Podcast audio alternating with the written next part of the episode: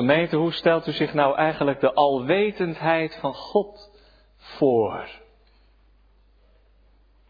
Dat kunnen wij niet begrijpen. Misschien denken jullie jongelui wel aan de computer, aan Google, waar je alles kunt intypen en waar alle informatie die wereldwijd beschikbaar is onder handbereik komt. Het is echt iets van deze tijd. Weet je wat het trouwens betekent, Google, waar het vandaan komt? Dat is een woord wat een 1 aanduidt met 100 nullen erachter. Een miljoen is met 6 nullen, een miljard met 9 nullen.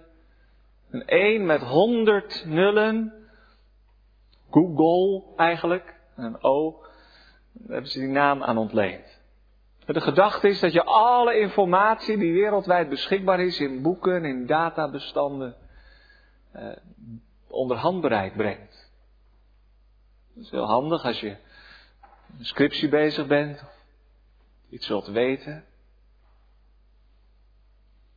Is dat nou bij de Heere God ook zo? zeg het met eerbied. Dat Hij alles weet, alle ook alle geheime informatie nog daarbij? Ja, dat is natuurlijk wel waar. De haren van je hoofd zijn alle geteld, zegt de Heer Jezus. En toch is het heel duidelijk dat het daar niet om gaat. Bij Gods alwetendheid gaat het niet om de informatie, maar om de relatie. Dat is zo duidelijk in deze psalm. Heere, Gij doorgrond en kent mij. Dat doortrekt Psalm 139 helemaal. Die relatie tussen God en de dichter van de psalm, David. Zo heel persoonlijk. God is niet alwetend op een afstand in de hemel dat Hij alles overziet en weet. Dat is misschien wel waar. Maar God is heel nabij. Hij weet van mij af. Mijn zitten. Hij ziet mij zitten. Letterlijk, figuurlijk. En mijn opstaan. Hij verstaat van verre mijn gedachten. Ik was laatst bij een vrouw die niet meer goed uit haar woorden kon komen. Pastoraal bezoek. Afezie noem je dat. Dat lijkt me zo erg dat je wel helder kunt denken, maar niet meer kunt communiceren. En dan vraag je dat als dominee, wat bedoelt u? Wat zegt u? Heel voorzichtig, je kunt het niet elke keer vragen natuurlijk, en dan probeer je te, te verstaan wat de ander bedoelt. Toen heb ik ook deze psalm gelezen met haar. Gij kent van verre mijn gedachten. Als je de Heer niks hoeft, hoeft uit te leggen, dat Hij het toch al weet. En dat is dan ook gelijk het eerste punt van de preek. Dus ik probeer vanuit de psalm vijf antwoorden te geven op de vraag wat betekent nou de alwetendheid van God voor het persoonlijk geloofsleven. Dan is dat in de eerste plaats dat je de Heer niets hoeft uit te leggen je moeite, je zorgen, je vragen. Het is Hem bekend. We hoeven de Heer niet te informeren. In onze gebeden hoeven we niet bang te zijn dat we misschien iets zouden vergeten. Het is wel goed om alles voor de Heer neer te leggen. Natuurlijk, dat lucht ook op. Maar je hoeft niet bang te zijn of je misschien niet wat over het hoofd gezien hebt. Dan mag je zeggen, Heer, u weet het veel beter dan dat ik het weet. En als mensen soms verward zijn en niet kunnen bidden, Mensen die overspannen zijn of depressief, zich niet kunnen concentreren. Dat mag een troost zijn. Heere, gij doorgrond en kent mij. Gij verstaat van verre mijn gedachten.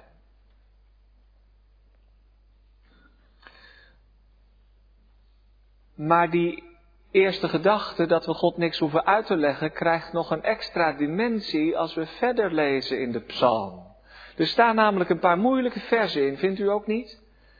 En meestal als je de psalm voorleest, dan lees je het eerste gedeelte. Want ja, dan aan het eind, dan komt dat zo, zo hard over, niet waar? Zou ik niet haten die u haten? Bedoelt David daarmee?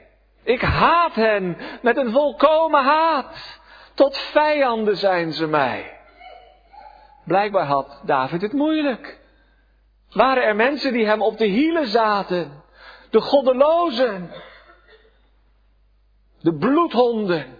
Mannen des bloeds wijkt van mij. Mensen die spotten met God en met zijn regering. Die schandelijk spreken van God en zich ijdelijk verheffen. We weten niet precies waar David aan gedacht heeft. Was het in de periode dat Saul hem achterna zat? Was het een oorlogssituatie? Wat het ook is, hij bidt eigenlijk in Psalm 139, Heere, doe er wat aan. Ziet u dat dan niet, wat er allemaal gebeurt in mijn leven? Ziet u dat dan niet, wat er allemaal gebeurt in Israël? Hoort u dan niet hoe de mensen spotten met u en zich schandelijk verheffen? Uw vijanden maken zich breed. Eigenlijk is Psalm 139 een wraakpsalm. Daar zou je niet zo gauw aan denken, maar het is wel zo. Heere God, grijp alsjeblieft in. Klinkt dat niet heel anders dan dat lieflijke en zachte begin van de psalm? Heere, gij doorgrondt en kent mij. Hij weet mijn zitten en mijn opstaan. We moeten het niet al te zoetig maken, als ik het zo mag zeggen. Want de psalm is een eenheid. Sommige verklaarders zeggen die teksten zijn later toegevoegd. Ja, zo kan ik de Bijbel ook uitleggen. Als alles wat moeilijk is later is toegevoegd, dan hou je een heel eenvoudig boek over. Nee, het is juist heel spannend om na te denken over die versen die moeilijk zijn.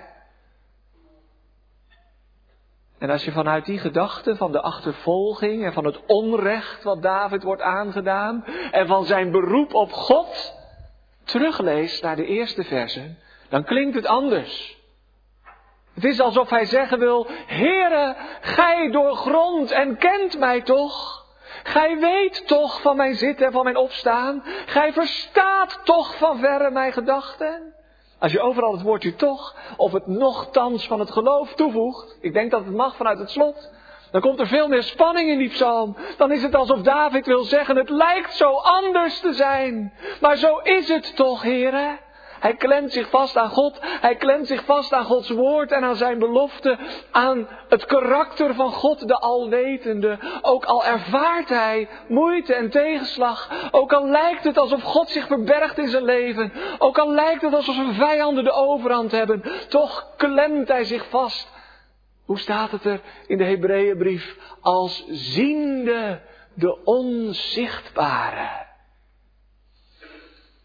Komt de psalm nou wat dichterbij? Als u het betrekt op uw eigen levensgeschiedenis. Juist in die momenten van verlatenheid, van strijd, van moeite, van pijn.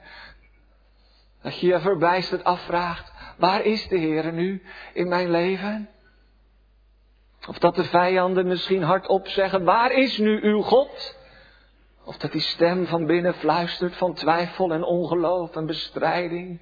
Waar is God op wie je bouwde en aan wie je de zaak van je leven toevertrouwde? Nou, kijk eens om je heen, kijk eens wat er gebeurt. En dat je dan jezelf eraan herinnert. Of door Gods genade en geest eraan herinnerd wordt. En toch is het waar, wat er ook gebeurt. Heere, gij doorgrond en kent mij. Hoe zit het dan met die, met die haat en wraak? Daar komen we straks nog terug. Maar het is wel belangrijk om het van meet af aan mee te nemen in het lezen van de psalm. Geboren in de nood van de beproeving, in de duisternis toch beleiden dat God een licht is. Ja, zegt de tekst, gij toetst. Letterlijk staat er een examen, een proef op de som. Gij toetst, gij doorgrond En toch kent gij mij. Als God de proef op de som moet nemen in ons leven. Als wij examen zouden moeten afleggen voor de heilige en alwetende God. Wie van ons zou voor hem kunnen bestaan? Voelt u dat ook als u denkt aan Gods alwetendheid? Dat ook de verborgen overleggingen van het hart bij Hem bekend zijn. Zoals het Nieuwe Testament zegt dat niets verborgen is, maar dat alle dingen naakt en geopend zijn voor de ogen van Hem met wie wij te doen hebben. En dat je dan toch, dat is een geloofszaak, mag zeggen, Heer, hier ben ik. Ik leg voor uw oog, alwetende, mijn hart, mijn leven bloot. Ik heb niets meer te verbergen voor u. Kijkt u maar dwars door mij heen, Heere. Beproef mijn hart. Heere, gij doorgrond. En toch kent gij mij. Want kennen in de Bijbel, dat is niet heel veel informatie hebben over iemand. Maar kennen in de Bijbel, dat is bekennen. Yada. Dat persoonlijke van die relatie. Bij mensen kun je wel eens het gevoel hebben, als ze alles van me zouden weten, dan weet ik nog niet of ze me nog zo sympathiek zouden vinden. Of als je net verkering hebt, verliefd bent op elkaar, het is nog wel een beetje kwetsbaar, dan ben je misschien bang, nou, als zij erachter komt hoe ik echt ben, of dat je tegen hem zegt, als jij erachter komt hoe ik echt ben, zou je dan nog wel van me houden? Misschien zeg je dat niet tegen elkaar, daar is ook vertrouwen voor nodig, maar dat gevoel herken je misschien wel. Liefde maakt blind. Maar ja, dat duurt meestal niet zo lang. Dan kom je erachter dat de ander ook minder leuke, negatieve eigenschappen heeft. Mooi als je dan toch van elkaar blijft houden in een relatie. Is het nou, maar dan op een veel diepere wijze met de Heer ook niet zo? Dat je soms bang bent, Heer, als u mij echt kent, doorhebt, door en door, hoe ik ben, hoe ik denk soms, wat ik soms zeg in mijn onbedachtzaamheid. Heere, gij doorgrond mij. En toch, wat de vijanden ook zeggen, en hoeveel er ook op mijn leven is aan te merken. Als ze alles zouden weten, dan zouden ze nog veel meer reden hebben om me, om me achterna te zitten. Maar hoe het ook zij, gij kent mij. Ik hoef u niks uit te leggen. Heere, u weet wie ik ben.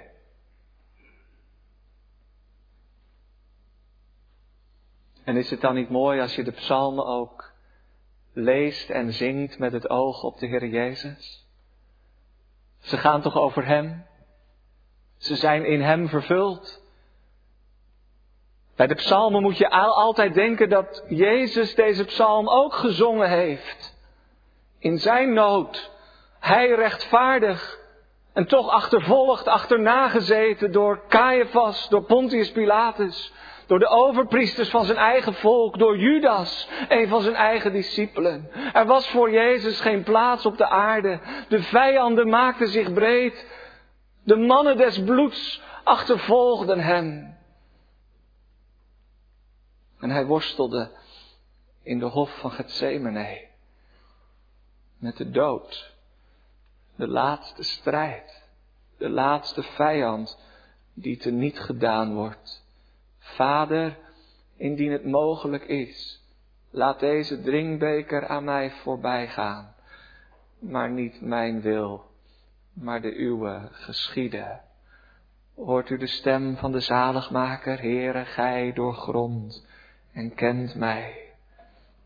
Gij weet toch van mijn zitten en mijn opstaan.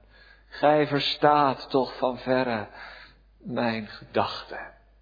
Dat Hij de zaligmaker, in de diepste duisternis van het Gethsemane en Golgotha zich vastgeklemd heeft als ziende de onzichtbare, de God die zich verborgen hield van zijn eigen kind Jezus, en toch niet heeft losgelaten, maar tot in de dood toe, tot in de hel toe, vertrouwd heeft op de alomtegenwoordigheid en alwetendheid van zijn Vader in de hemel.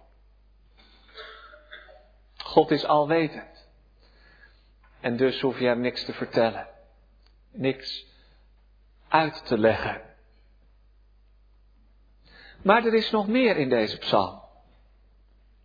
Als je verder leest, dan klinkt het haast een beetje beklemmend. Ik zou in de tweede plaats willen zeggen, God is alwetend en dat betekent dat je nergens voor Hem weg kunt vluchten. Jongens en meisjes, waar denken jullie dan aan in de Bijbel? Wie was dat ook alweer die weg wilde vluchten voor God? Weet je wel, hè? Jona. Hij ging naar het uiterste van de zee, helemaal naar het westen. Maar God kwam hem, zijn kind en knecht, tegen. God legde zijn hand op Jona en bracht hem daar waar God hem hebben wilde. Nou, zo klinkt het toch ook wel in deze psalm. Zeker vanuit die achtergrond die ik net schetste, is het niet allemaal zo zoetig. Er zit een hele spanning in. Hij zegt bijvoorbeeld in vers 5, gij bezet mij. Dat is een woord in het Hebreeuws wat betekent een belegering. Denk aan het bezet en het ontzet van lijden in de 80-jarige oorlog. Die mensen konden geen kant meer op. Ze leden honger, want de vijand was overal om hen heen. Is God dan een vijand? Nou nee, dat ook weer niet, maar God legt wel zijn hand op David. En zoals in een van de andere psalms, psalmen staat, waarom trekt gij uw hand niet van mij af?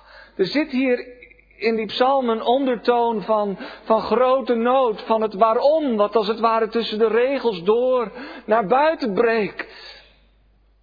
Ik kan geen kant meer op, zegt David.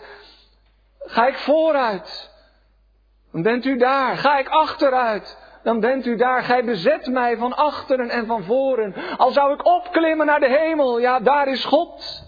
Of bedde ik mij in de hel. Moet je niet denken direct aan de Nieuw-testamentische hel, maar aan het rijk van de dood. Al zou ik de dood verkiezen, al zou ik de dood ingaan, dan zou ik ook daar God ontmoeten.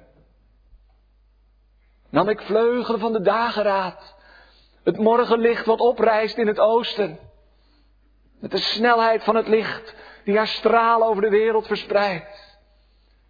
Of naar het uiterste van de zee. Dat is natuurlijk in Israël en ook in Nederland het westen, het uiterste westen of het oosten. Ook daar zou uw hand mij geleiden en uw rechterhand zou mij houden. Waar zou ik heen vluchten voor uw aangezicht? Ik kan nergens meer heen, heren. Overal kom ik u tegen, overal komt u mij tegen. En dan zou ik helemaal wegkruipen in het donker dan is de nacht een licht om mij. En de duisternis verduistert voor u niet. Maar de nacht licht als de dag.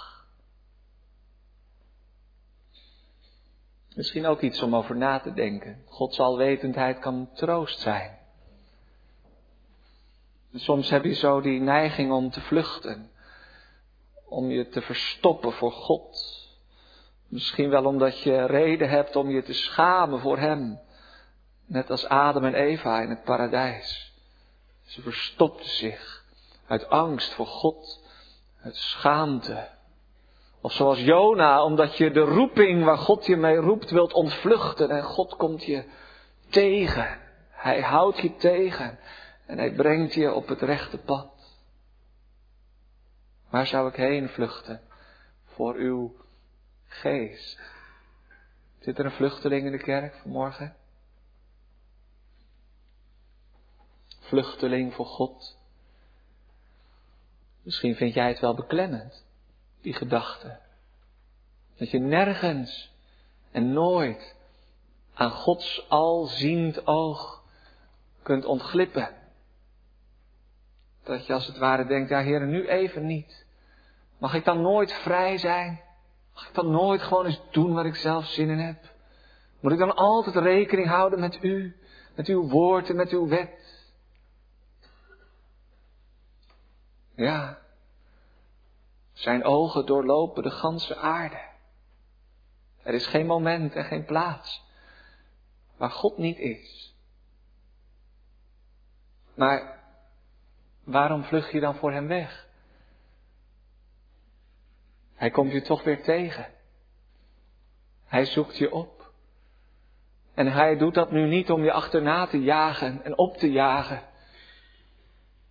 maar om je naar hem toe te trekken, om je in te winnen. Zoals de Nederlandse geloofsbeleidenis zegt, dat onze God zeer barmhartig naar Adam en Eva toekwam toen ze bevend voor hen vluchten. Niet om hen te straffen, niet als hun rechter, maar om hen het evangelie van zijn genade voor te houden. Zo is onze God. O ken die hem maar zoals hij is. Had je maar niet zo'n vertekend beeld van hem, door de zonde vertekend, of misschien wel door een verkeerd godsbeeld vertekend, dat je wegvlucht van hem. Vlucht je maar naar hem toe. Zegt, Heere, hier ben ik. Waar ik ook heen ga, ik kan niet aan uw aandacht ontsnappen. Het is dwaas om voor u weg te vluchten. Ik geef me gewonnen, ik geef mij over aan u. En misschien kijkt u wel met verwondering terug over uw levensweg. En zegt u met zoveel andere christenen, ik was een vluchteling. Maar God heeft mij opgezocht. Ik heb het niet gewild. Ik was er tegen. Maar Hij is mij te sterk geworden. Gij legt uw hand op mij. En die momenten in je leven dat God je als het ware op de schouder tikt. En zegt, waar ga je naartoe? Waarom vergeet je mij? Waarom verlaat je mij? Die momenten dat God het je laat zien. Dat ondanks alles Hij jou niet vergeet en niet verlaat. Heren, Gij doorgrond en kent mij. Beklemmend? Nee, toch niet. Het is toch een troost. Al zou ik willen vluchten, zegt David bij wijze van spreken, ik zou niet weten waarheen. Want God is overal. Je kunt niet vluchten. En je hoeft ook niet weg te vluchten voor Hem. God is alwetend, je hoeft Hem niks uit te leggen. Je hoeft niet voor Hem weg te vluchten. En dan gaat de psalm verder, dan, dan wisselt de toon een beetje. Ik denk zo rond vers 13. En dan zegt David, Heere, u bent de alwetende. Dat betekent dat ik van u ben. U bezit mijn nieren. Nieren, dat zijn je ingewanden, organen. Dat is het allerdiepste in de mens. Dat is de plek in het Hebreeuws waar je gevoelsleven, je emotie zetelt. Door en door. Tot in mijn nieren aan toe. Tot in het diepst van mijn hart zouden wij zeggen. Ben ik niet van mezelf. Ik heb mezelf niet gemaakt. Ik heb mezelf niet ontworpen. Maar ben ik het eigendom van die alwetende God. Waarom zou ik wegvluchten voor Hem? Want Hij heeft mij gemaakt. Hij heeft mij gewild. God heeft een bedoeling met mijn leven. Omdat Hij de Alwetende is. Mag ik geloven dat ik er niet zomaar ben, dat ik niet voor niets op deze wereld ben, maar dat God een plan trekt in mijn leven. Van het begin af aan, in mijn moeders buik, hebt u mij bedekt. Ik loof u, omdat ik op zo'n ontzagwekkende wijze, vreselijk staat er in de Statenvertaling, ontzagwekkend, wonderbaarlijk gemaakt ben. We denken aan de VBOK bij het lezen van deze psalm, aan het ongeboren leven, aan de embryo, aan de wonderlijke schepping van God. Wij weten er veel meer van dan David.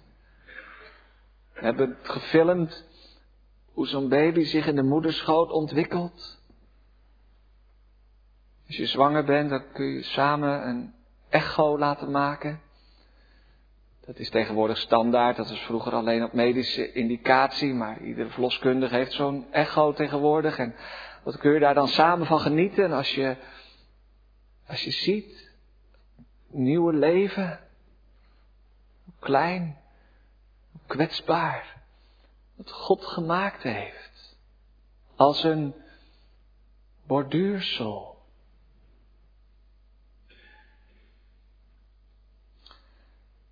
Jongens en meisjes, kijk eens even naar je vingertop. Naar de lijnen van je vingerafdruk. Dat weet je wel, hè? Dat er in deze kerk maar één is. Wat zeg ik? Op deze hele wereld maar één mens met precies diezelfde vingerafdruk die jij hebt. Dat ben je zelf. Uniek. Er is er maar één van. En wij weten dat zo rond de honderdste dag na de conceptie alles al vast ligt in dat kind. Tot in de vingertoppen aan toe. Ik loof u, omdat ik op zo'n ontzagwekkende wijze wonderlijk gemaakt ben. Uw ogen hebben mijn ongevormde klomp gezien.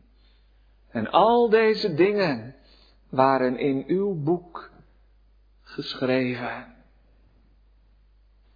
Heb je er ook wel eens over verwonderd? Want alwetendheid en almacht liggen heel dicht bij elkaar. En dat je niet voor niets op de aarde bent. Niet zomaar ontstaan als een toevallige samensmelting van een toevallige eicel en een toevallige zaadcel. Ja, dat gelooft de wereld om ons heen dus, hè? Wie niet in God gelooft, die moet wel geloven, als die tenminste consequent is en toch niet zegt, nou ik geloof wel in iets.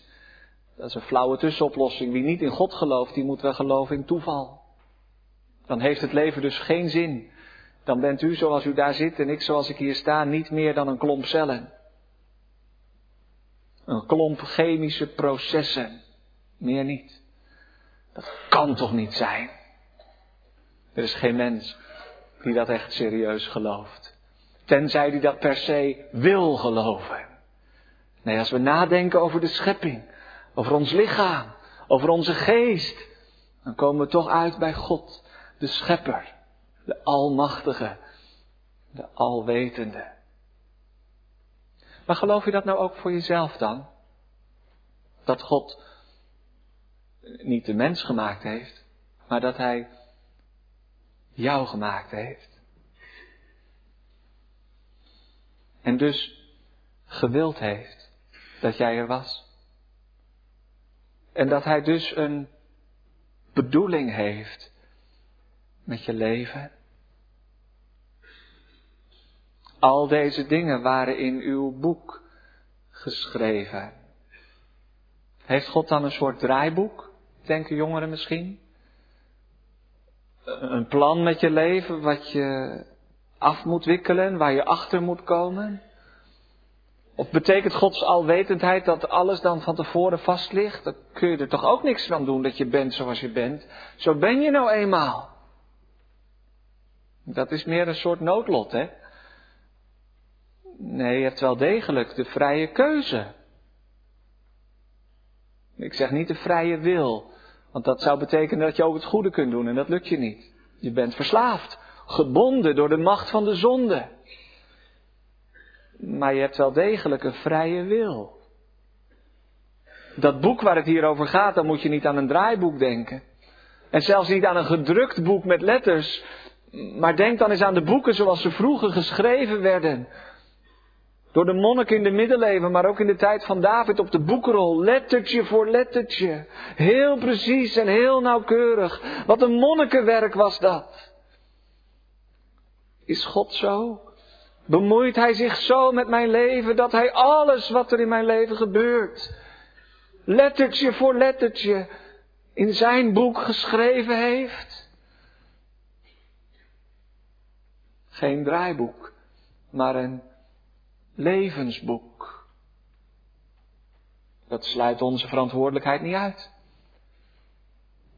Wij maken onze keuzes en we moeten één keer verantwoording afleggen tegenover Hem.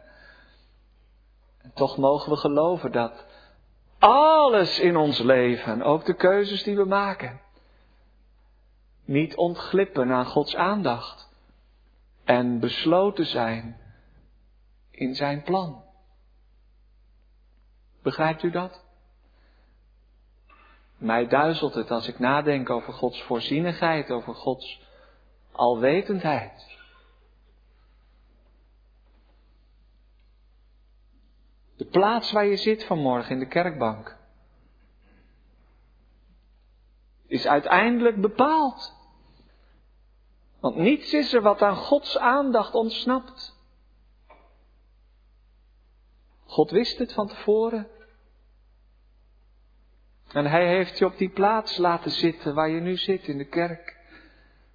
Dat je hier bent, dat is van God. Strekt dat zo ver? Ja, de haren van uw hoofd zijn alle geteld. Dan duizelt het u toch? En tegelijk is het natuurlijk waar dat u gewoon in die bank bent gaan zitten waar u altijd gaat zitten. Of als u hier te gast bent, dat u gewoon een plek hebt opgezocht in de kerk. En uit eigen vrije beweging en vrije keuze bent gaan zitten daar waar u nu zit. Dat sluit elkaar niet uit. Maar wij begrijpen dat toch niet. Alles in Gods boek geschreven is. Daarom, hoe kostbaar zijn mij, o God, uw gedachten. Hoe machtig veel zijn haar sommen. Het duizelt je als je nadenkt over de alwetendheid van God. Het is een reden om deze God te aanbidden.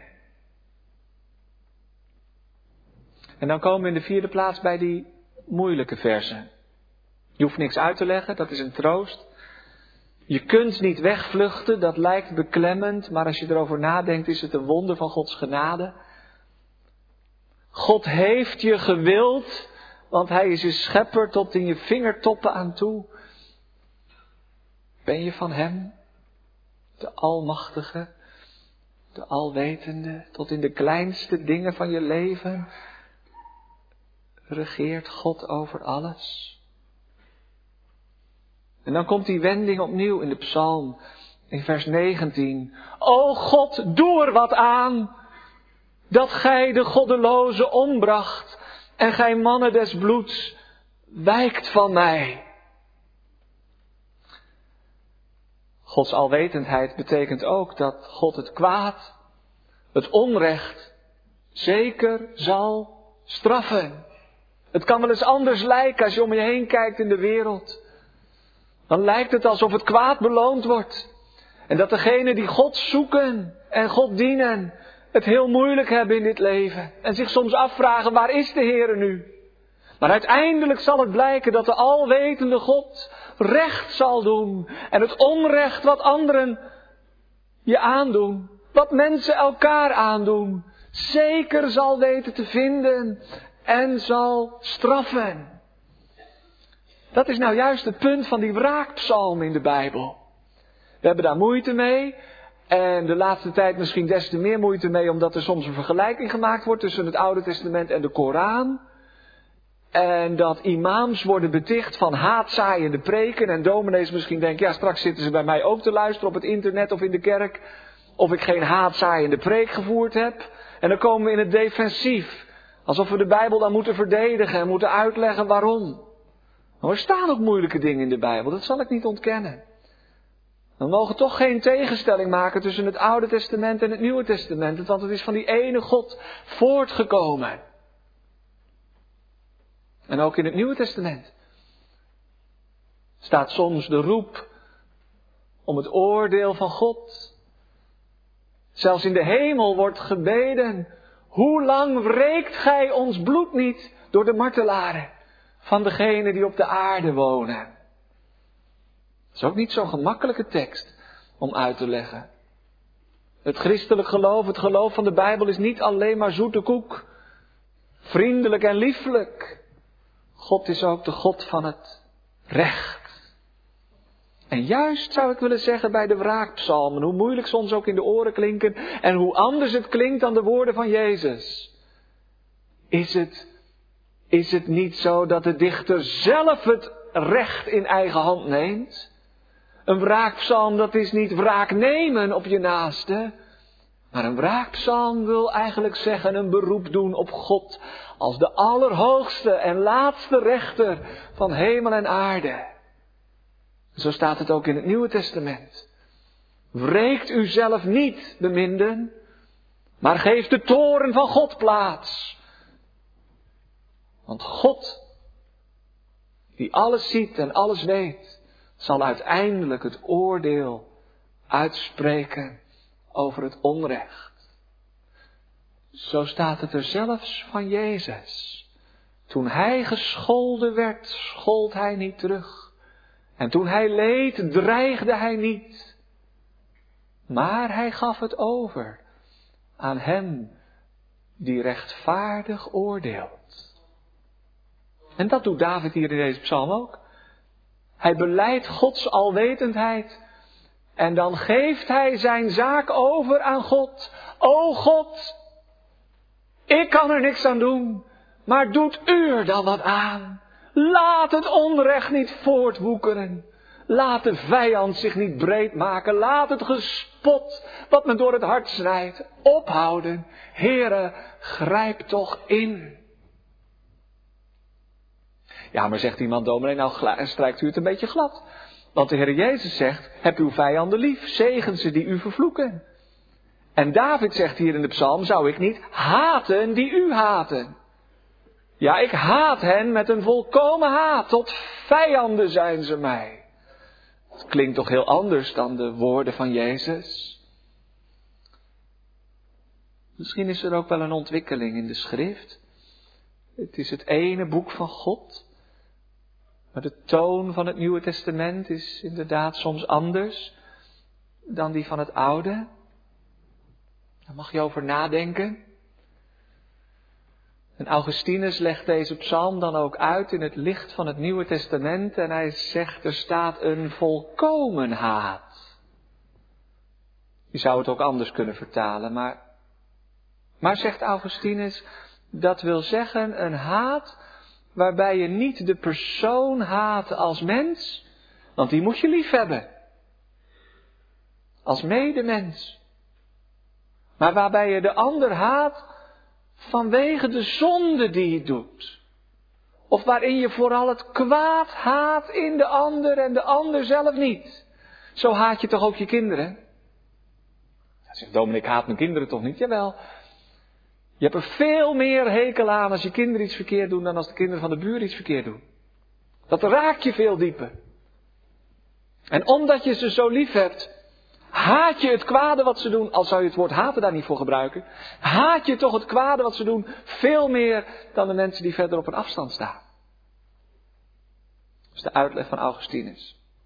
Ik weet niet helemaal zeker of je die lijn moet volgen, maar vanuit het Nieuwe Testament is dat wel heel duidelijk. De zonde haten. Ook bij jezelf. Ook bij degenen die je lief zijn.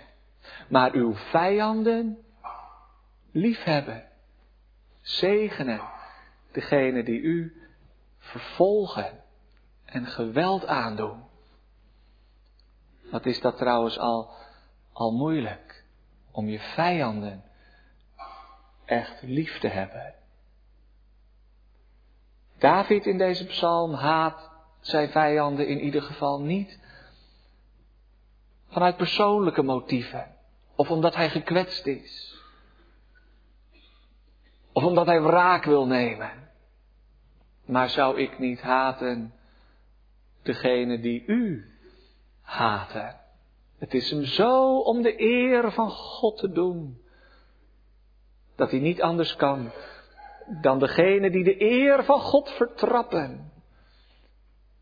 Verre van zich houden. Met een beroep op de alwetendheid en de almacht van God. Uiteindelijk heeft het kwaad niet het laatste woord. De Satan, het onrecht, het lijden wat mensen elkaar aandoen. Het is ook alles in Gods boek geschreven. En eenmaal zal de verdrukker, de beul, degene die zijn naaste gemarteld heeft of getreiterd of weggepest heeft.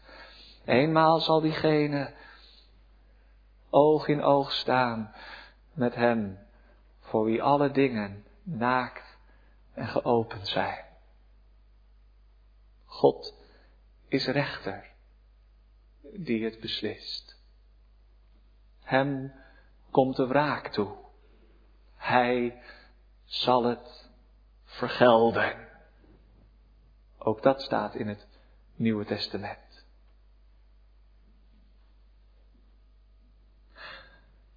Maar dan, daar eindigt de psalm niet mee is het net alsof David een beetje terugdeinst. Dat heb je soms, hè. Als je heel geëmotioneerd bent, boos of verdrietig, dat je schrikt van je eigen gedachten. Misschien nog liever dan zoals Augustinus het uitlegt, zou ik het zo uitleggen. Dat David in zijn emotie lucht geeft aan datgene wat leeft in zijn hart. En niet alles wat in de Bijbel staat is normatief, immers. Sommige dingen worden beschreven tot onze troost. Job vervloekt de dag van zijn geboorte, maar niet met de bedoeling dat u dat ook gaat doen. Maar met de bedoeling dat u dat in de schrift terugvindt en dat herkent misschien in uw moeilijke situatie. En zegt dat God, die zichzelf over Job ontfermd heeft, zich ook over u zou kunnen ontfermen. Niet alles in de schriften is normatief. Soms is het descriptief. Wordt het alleen beschreven tot lering. En ik neig ertoe om dat ook van deze psalm te zeggen. Als, als David het niet langer uithoudt, dan kun je dat zo goed begrijpen in zijn benarde situatie. Ik haat hen met een volkomen haat. Tot vijanden zijn ze mij. Weg ermee met degene die uw wet vertrappen en uw recht verkrachten. De bloedhonden die me achterna zitten. Heren, doe er wat aan. Grijp dan in. Maar dat hij dan opeens terugdeinst voor zijn eigen gedachten tot zichzelf inkeert. Doorgrond mij, o God, en ken mijn hart. Beproef mij en ken mijn gedachten. Zijn beleidenis van het begin wordt een gebed aan het eind. Here, misschien zit ik wel op de verkeerde weg. Misschien oordeel ik wel verkeerd. Misschien ben ik zelf wel van uw spoor afgedwaald. Als ik op een schadelijke weg zit, Neem me dan bij de hand en breng mij op de eeuwige weg, op de smalle weg naar het eeuwige leven. Leid mij op de eeuwige weg. Het eindigt niet in de wraak, maar in de verootmoediging, in de beleidenis, in de afhankelijkheid van God. God zal inderdaad het kwaad straffen. Maar omdat Hij alwetend is, mogen we dus tenslotte ook vooral bidden om zijn leiding. We zijn niet te vertrouwen in onze emoties niet, in onze keuzes ook niet. Gelukkig hebben we geen vrije wil. Want als dat wel zou zijn, zou niemand van ons God zoeken. Zou niemand van ons naar Hem vragen. Hij is altijd de eerste. Hij is het die het hart vernieuwt. Hij is het die de zon daar onweerstaanbaar naar zich toetrekt. Als ik nog op de verkeerde weg zit, de schadelijke weg. Op de brede weg die op het verderf uitloopt. Grijp dan in, Heere. Vernieuw mijn hart en leid mij op de eeuwige weg. De weg naar het eeuwige leven. Dat wil God doen. De God die het kwaad straft wil u en jou bij de hand nemen en leiden als zijn kind. Durft u het met deze God te wagen? En als je het zelf niet meer weet, dat is de weg van het kruis. Dat is de weg van God. Als je het zelf niet meer weet, dan mag je vanmorgen zeggen, Heere, Gij doorgrond en kent mij. Amen.